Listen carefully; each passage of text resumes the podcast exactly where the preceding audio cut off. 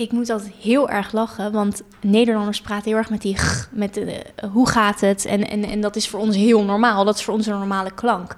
Maar als je eh, uit een ander land komt, dan denk je echt, hè, wat een rare, moeilijke klank. En ook met die, nou, die rollende R die ik dan misschien net doe, die vinden ze ook vaak moeilijk. Maar ik zit altijd heel erg zo. En dat vinden ze zo'n. Dan zitten ze altijd zo terug naar me te doen van, oh, wat is dit voor een klank? Dat vinden ze heel gek en heel moeilijk en eigenlijk ook heel lelijk. En daarom willen ze het ook eigenlijk soort van niet doen.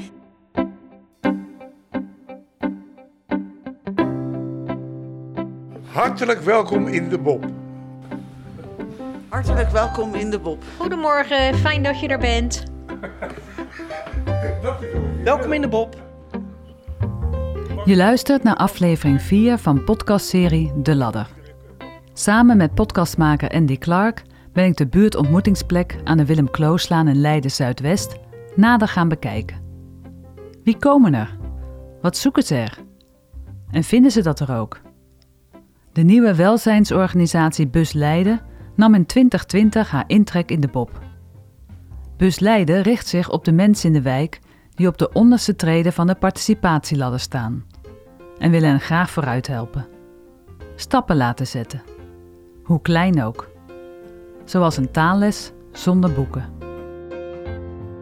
Wat wel vaak terugkomt, wat ik ook wel begrijp, is: oh, maar die persoon woont al 15 jaar in Nederland, hoe kan je dan nog geen Nederlands? Nou, die, reactie begrijp ik.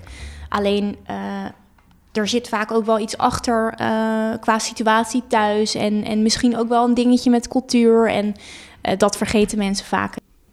Lisette is vrijwilliger bij de Bob. Zij geeft elke vrijdag taalles aan beginners. Taal is essentieel om mee te kunnen doen, maar een vreemde taal leren blijft een uitdaging. Ook als je soms al jaren in Nederland woont. In deze aflevering van De Ladder praten we met mensen in de Bob over het belang van de taal leren in je nieuwe land.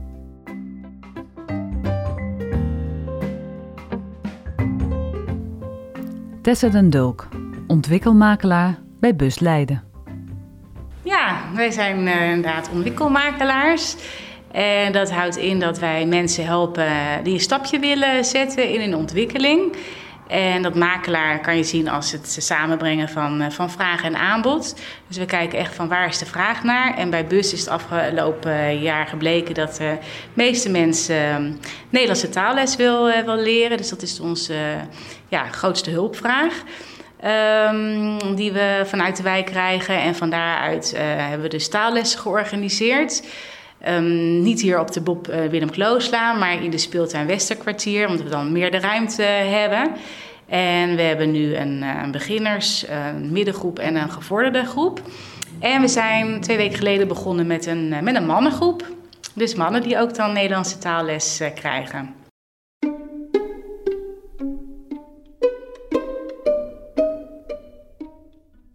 Die mannengroep zou ook iets kunnen zijn voor Gorgen. Hij woont al 40 jaar in Nederland, maar heeft nog altijd moeite met de taal. Ondanks dat hij in Nederland verschillende opleidingen heeft gevolgd. Uh, ik ben Jorge Mendes. Ik ben 63 jaar oud. Ik kom oorspronkelijk uit Uruguay, Zuid-Amerika. Jorge is een joviale man met glinsterende ogen en een grote glimlach. Hij is ook kunstenaar. Ja, tekenen en schilderen, eh, beeldhouden. Ik, met tekenen en schilderen eh, zit ik een beetje vast al jaren. Met poppetjes aan het dansen. Hm.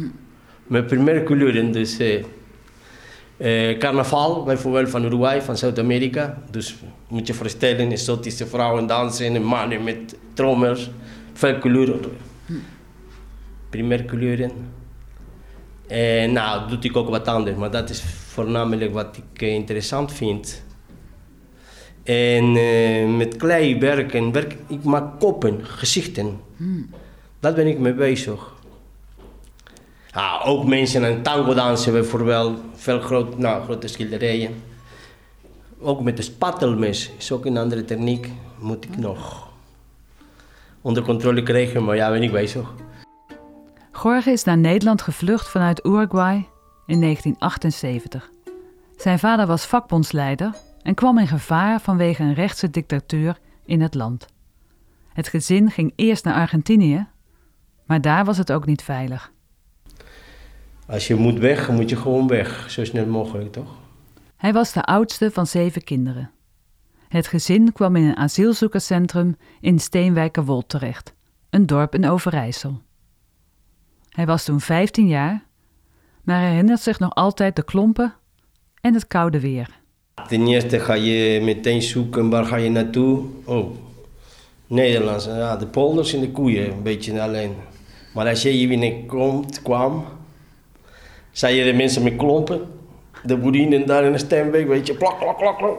We gingen naar een PH, dus daar waren de kamers vrij. En iedereen liet zijn klompen bij de dieren. Wat is dat nou? Was uh, wel een beetje, ja, raar. Was heel koud, dat kan, kan ik me nog herinneren. Sneeuw, was het winter, februari. De 26e denk ik of zoiets. Of 23e.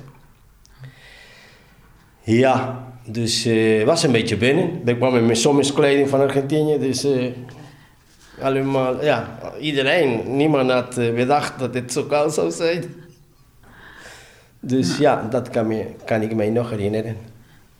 Zijn ouders blijven in Steenwijkerwold wonen. Maar Gorge gaat naar Amsterdam en volgt een opleiding als elektromonteur. Hij vindt het moeilijk om aan werk te komen. Dus hij volgt een tweede opleiding als sociaal-maatschappelijk werker. Toen was ik jong, dus uh, ik was op zoek op, uh, op leven, op, op te leven. Voor een stage gaat hij naar Uruguay, maar hij komt terug naar Nederland om zijn studie af te maken. De taal maakt het nog steeds lastig voor hem om een baan te vinden in Nederland. Dus mijn sterke kant ligt niet in talen. Dus elke keer is een gevecht om uh, een beetje met de talen te kunnen uh, ja, mee, uh, mee, omgaan. Goed omgaan. Vaak heb ik uitspraak, uitspraakproblemen gewoon om duidelijk te kunnen ja, praten. Veel mensen hebben een beetje moeite mee. Maar ja, ik probeer mijn best te doen. Ik loop nog steeds met taalcoaches en het Nederlands leren. En pff, we zien tot, uh, tot ik uh, ja, gepensioneerd word of, of weet ik niet. Want mijn kinderen hebben ook, mijn kinderen hebben ook moeite mee. Om mee te begrijpen. Papa, zeg je nou?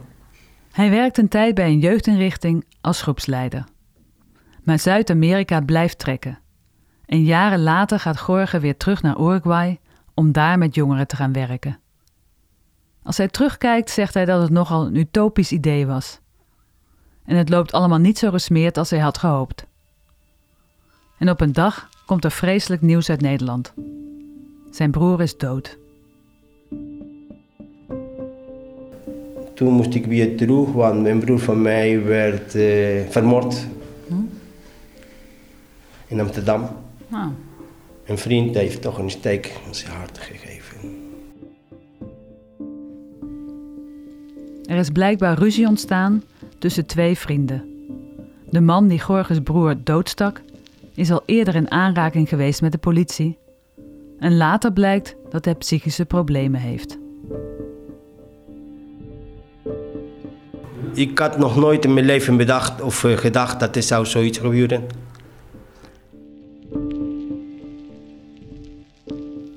Na een paar maanden in Nederland gaat Gorge terug naar Uruguay.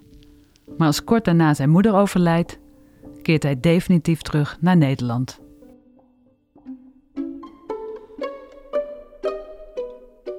En Gorge heeft inmiddels vier kinderen uit twee verschillende relaties. Ondanks alle tegenslagen blijft hij lachen en heeft hij een sterke wens om zijn medemens te helpen. In 2016, Gorge woont dan in Leiden, komt hij hier in aanraking met de Bob, waar hij als vrijwilliger helpt met klusjes. Ik dacht, ja, ik moet ook uh, meer uh, deelnemen aan de maatschappij. Dus ik ga toch wat doen, want heb ik altijd vrijwilligerswerk gedaan, ook in Amsterdam. Bij Bus Leiden is taal één van de aandachtsgebieden, vertelt Tessa. Ja, want wij, ja, bus gaat natuurlijk om, om die, die zes thema's. En taal is daar dus een hele, heel, heel belangrijk thema.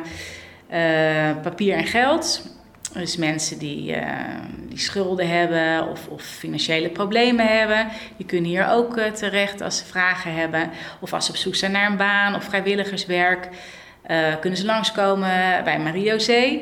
Aan de slag in de wijk. We hebben gezondheidsinloop. mensen die hun bloeddruk willen op laten meten of suikerwaarden, die zijn op woensdag ook welkom bij de gezondheidsinloop. En um, nou, gezonde leefstijl, dat is natuurlijk een, belangrijk thema van BUS. Digitale vaardigheden hebben we, talentontwikkeling en netwerkopbouw. Elke vrijdagochtend zijn er taallessen zonder boeken. Informeel, laagdrempelig, met aandacht voor wat ieder nodig heeft.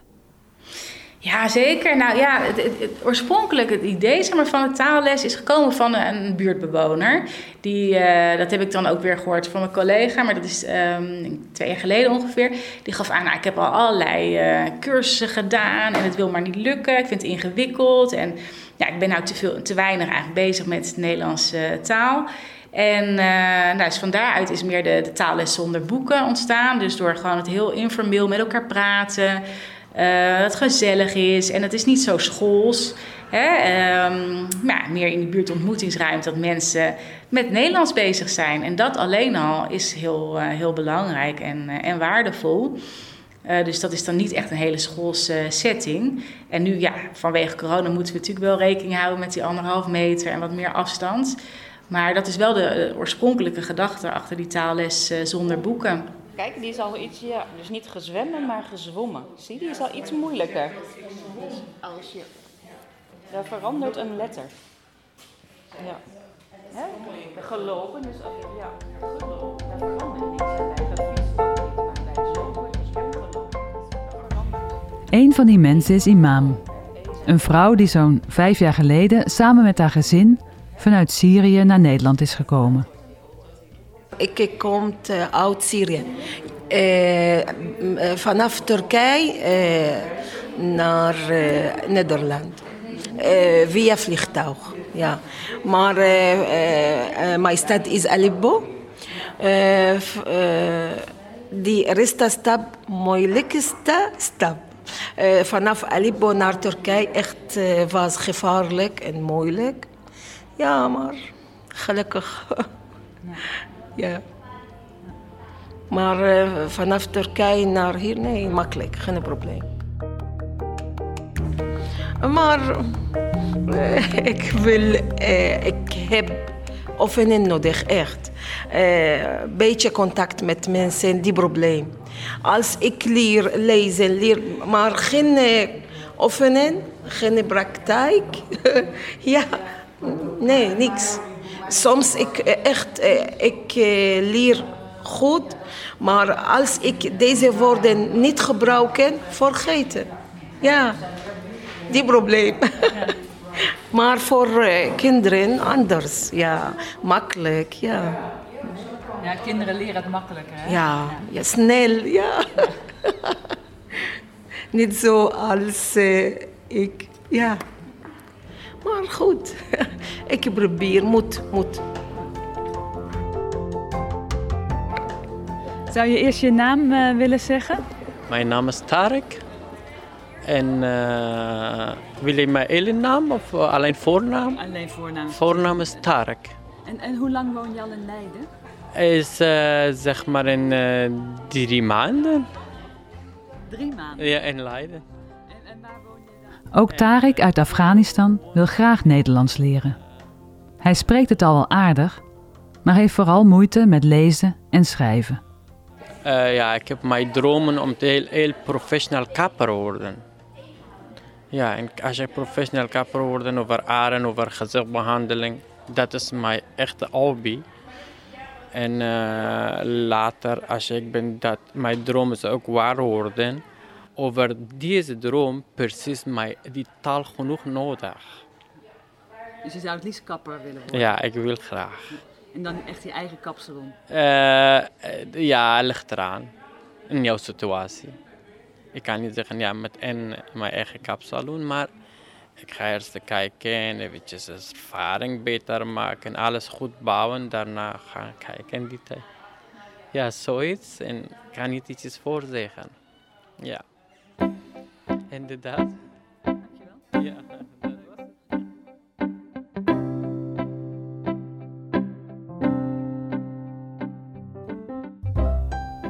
Tessa onderstreept hoe belangrijk het is om de taal te leren. Ook als het niet meteen perfect gaat. En jezelf op weg te helpen, een treedje hoger op de ladder. Ja, ik denk dat het heel belangrijk is dat uh, ja, mensen ook gewoon naar de Bob komen, naar de buurtontmoetingsplek. Om uh, nou, gezellig bij de inloop een kopje koffie te drinken, een praatje te maken. Um, meedoen aan andere activiteiten. Natuurlijk niet hier alleen in de Bob, maar ook elders. En ook veel Nederlands spreken thuis. Dus um, als jouw kinderen wel Nederlands spreken, of ze dan Nederlands tegen jou kunnen spreken. En zodat je toch de taal uh, kan leren, Nederlands televisie kijken. Ik denk dat al die beetjes helpen. En um, ja, het is ook vaak angst hè, dat mensen het heel moeilijk vinden en, en ook niet durven. Um, ja, ook de vraag überhaupt om zich te ontwikkelen. Hè? Stellen mensen ook niet echt die vraag van, van uh, wat zou ik allemaal kunnen, wat, zal ik, wat wil ik, wat zijn mijn mogelijkheden. En we hopen eigenlijk zeker als je nou, in ieder geval de Nederlandse taal uh, beheerst, dat je dan ook weer mee kan doen aan andere activiteiten. Dit was deel 4 van de podcastserie De Ladder over de buurtontmoetingsplek in Leiden Zuidwest. In de volgende aflevering van De Ladder spreken we met vrijwilligers en deelnemers van de Naaikrans. Het idee is dat mensen leren hun eigen kleren te maken en te herstellen. En tussendoor ook weer oefenen met Nederlands. Wat is nou uh, belangrijk als je wil leren naaien? Je moet uh, geduld hebben. Geduld en moet je houden van naaien. Als uh, anders, je kan niet.